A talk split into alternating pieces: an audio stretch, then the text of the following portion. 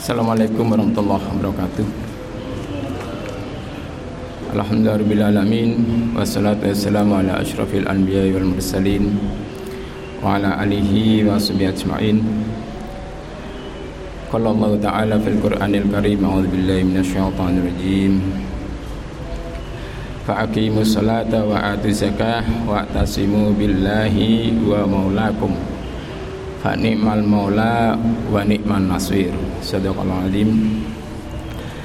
Jamaah salat subuh yang dirahmati Allah yang berbahagia alhamdulillah pada pagi hari ini kita diberi kesehatan diberi kenikmatan yang luar biasa oleh Allah untuk berdialog dengan Allah melalui salat subuh ini.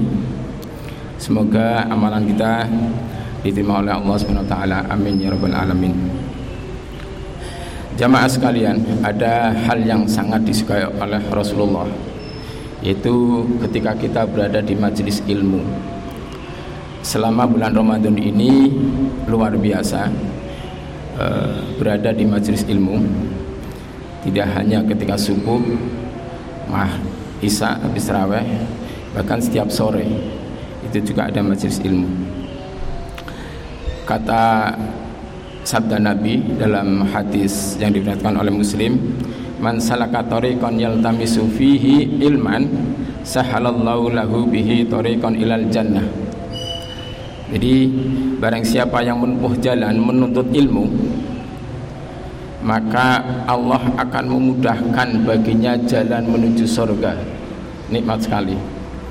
Jadi kita yang berada dalam satu majelis majelis ilmu insya Allah akan dimudahkan bagi kita sekalian jalan menuju surga. Semoga kita istiqomah. Meskipun kita peroleh ilmu itu tidak dengan mondok di pesantren. Tapi ketika kita menimba ilmu sedikit-sedikit asal istiqomah mudah-mudahan setelah Ramadan juga ketika ada majelis ilmu kita datangi maka Allah juga maka Rasulullah juga sangat senang. Kata Nabi ahabul a'mali ilallahi adwamuha wa in qalla. Amalan yang paling dicintai oleh Allah yaitu yang dikerjakan terus menerus meskipun sedikit. Jemaah sekalian kita mungkin karena namanya kultum akhirnya dapat ilmu sedikit-sedikit tapi istiqomah itulah Allah suka. Jamaah sekalian, eh, semalam ada sedikit obrolan panitia bicara masalah eh, fikih ya, eh, bicara masalah eh, zakat fitrah. Dan insya Allah nanti malam ya Pak Habib sudah mulai dibuka. Silakan yang mau zakat fitrah nanti malam sudah bisa eh, diterima oleh panitia zakat fitrah. Namun pada pagi hari ini saya ingin menyampaikan bahwa suatu ketika ada sahabat Rasulullah, ada seorang laki-laki datang kepada Rasulullah. Ya Rasulullah, idni wa ojis. Dalam hadis lain, Ya Rasulullah, alimni wa ojis. Ya Rasulullah, berilah aku nasihat dan ringkas. Jadi nggak usah banyak-banyak makanya tadi jadi sedikit demi sedikit sedikit sedikit asal istiqomah insya Allah eh, apa namanya Allah sangat suka. Sahabat ini lelaki ini juga seperti itu. Idni wa ojis ya Rasulullah Berilah aku nasihat dengan ringkas. Nabi menjawabnya juga ringkas. Idza kuntu fis solati solatika fasolli solata muwaddi'in jika kamu mendirikan sholat maka sholatlah sebagaimana sholat yang akan pergi selamanya. Nanti insya Allah akan sedikit menambah kekhusuan ketika kita sholat bahwa itu sholat yang terakhir akan pergi selamanya. Kemudian yang kedua pesannya la takallam bikalamin tak tadiru minhu godan janganlah kamu mengucapkan satu perkataan yang kamu akan meminta maaf karena perkataan tersebut besok harinya. Inilah kita bisa apa namanya melihat uh, kondisi sekarang ini. Nanti akan saya jelaskan sedikit-sedikit. Kemudian yang ketiga, wajmi'il ya'sa mimma fi aidinas. Bertekadlah untuk tidak mengharapkan apa yang dimiliki oleh orang lain. Sekarang pesan yang pertama, idza kumtu fi sholati sholatika wa fasolli sholat sholata muwaddiin. Jika kamu akan mendirikan sholat, maka sholatlah sebagaimana sholat orang yang akan pergi selamanya. Kalimat sholat perintah sholat itu banyak sekali dalam Al-Quran.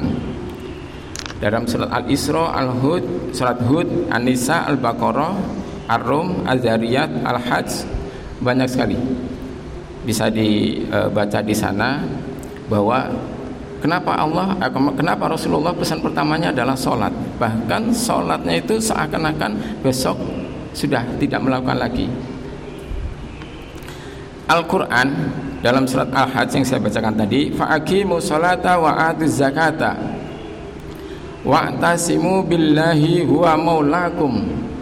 Fa'nimal maula wa ni'man naswir Al-Hajj ayat eh, uh, 78 maka dirikanlah solat tunaikanlah zakat dan berpeganglah pada tali Allah. Dia adalah pelindungmu maka dialah sebaik-baik pelindung dan sebaik-baik penolong. Itulah sholat. Jadi betapa pentingnya sholat sampai Al-Quran itu banyak sekali memerintahkan kita untuk mendirikan sholat, melakukan sholat dan rata-rata kalimat sholat itu didampingi, disertakan kemudian adalah zakat karena dua hal ini sangat penting sekali.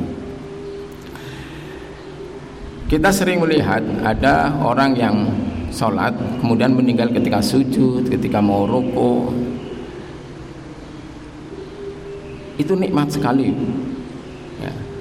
Jadi orang-orang melihat banyak orang yang memang lebih suka itu ketika menghadap Allah, ketika berdialog dengan Allah, kemudian langsung diambil nyawanya. Inilah yang dimaksud hadis tadi. Jadi betul-betul dilaksanakan. Nah, kita jamaah sekalian kalau sholat berpikirlah seperti itu meskipun insya Allah mudah-mudahan kita di umur, dipanjangkan umurnya tapi bahwa ketika kita sholat seolah-olah kita sholat yang terakhir kita akan lebih apa merasa dekat sekali dengan Allah permohonan kita kepada Allah sangat dekat itulah orang sholat kemudian yang kedua la takallam bikalamin ta'tadiru minhu godan Janganlah kamu mengucapkan satu perkataan yang kamu akan minta maaf karena perkataan tersebut besok harinya. Kita sering menyampaikan dengan emosi kita, mengatakan dengan emosi kita tanpa terkendali. Ini sudah diwanti-wanti oleh Rasulullah. Jangan berkata yang suatu ketika Anda malah minta maaf. Gelo. Ya Allah, kenapa saya menyampaikan tadi mengatakan kok seperti itu? Jadi rasanya gelo sekali. Dan ini sering, apalagi sekarang ada media TikTok, ada media status. Nah, setelah bikin status, besok diprotes oleh netizen, akhirnya minta maaf. Padahal Rasulullah jauh-jauh hari sudah mengingatkan kepada kita. Kenapa demikian? Lisan itu menjadi sangat penting.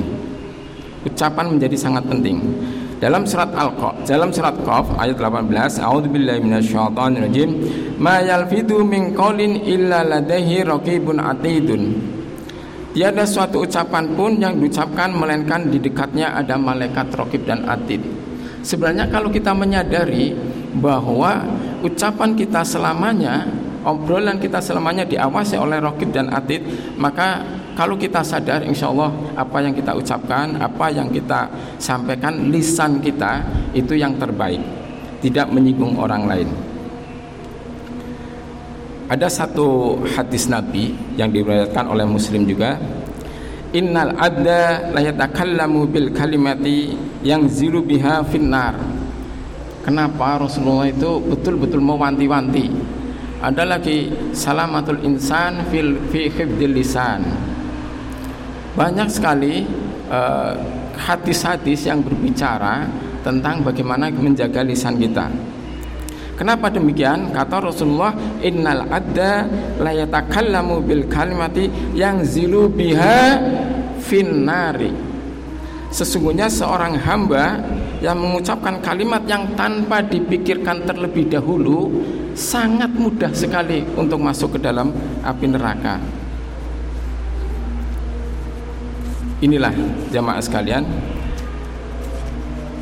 Semoga apa yang kita ucapkan, kita sampaikan, kita obrolkan karena kita terlatih pada bulan Ramadan satu bulan penuh ini akan berimbas pada bulan-bulan berikutnya sehingga obrolan kita, ucapan kita menjadi lebih baik. Kemudian yang ketiga, wa ajmi'il ya'sa mimma fi aidinas. Bertekadlah untuk tidak mengharapkan apa yang dimiliki oleh orang lain. Kita sering iri. Orang tetangga kita beli apa kita iri. Iri ada yang ada apa namanya? Ada iri yang diperbolehkan Kata Imam Nawawi, hasad itu ada dua. Yang pertama hasad hakiki, yaitu berharap nikmat orang lain itu hilang. Jadi kalau ada tetangga beli kulkas baru, semoga cepat rusak. Nah, misalkan kayak begitu. Ini tidak boleh. Ini iri yang sama sekali diharamkan. Kalau Imam Nawawi itu lebih diharamkan iri-iri yang seperti itu ada tetangga beli mobil baru semoga segera ke bengkel misalkan. Itu. Doakan yang terbaik. Alhamdulillah ketika ada tetangga punya uh, kenikmatan baru kita harus mensyukuri. Yang, yang kedua menurut Imam Nawawi itu ada iri yang diperbolehkan atau hasad majasi atau yang dikenal dengan istilah giptoh yaitu berangan-angan agar mendapatkan nikmat seperti orang lain itu memperoleh nikmat. Itu boleh. Sehingga apa? Yang terjadi adalah kita punya semangat untuk bekerja. Sebelah bisa beli kulkas kita semangat bekerja. Maksudnya seperti itu. Jadi kita tingkatkan hiptoh kita iri kita pada hal yang baik. Ini menurut Imam Nawawi sehingga apa? Apa yang diperoleh oleh tetangga kita, insya Allah kita juga akan mendapatkannya. Paling tidak apa yang diperoleh oleh tetangga kita, kita akan menikmatinya. Itulah jemaah sekalian eh, yang bisa saya sampaikan. Eh, semoga training kita selama satu bulan penuh ini Allah akan memberi kelanjutan yaitu training pada bulan-bulan berikutnya dengan istiqomah untuk berada di majelis ilmu. Insya Allah dengan kita berada di majelis ilmu kita akan selalu berada dalam kemuliaan. Kurang lebihnya mohon maaf, kebenaran datang dari Allah, kekurangannya saya masih harus belajar lagi. Wabillahi taufiq walhidayah. Assalamualaikum warahmatullahi wabarakatuh.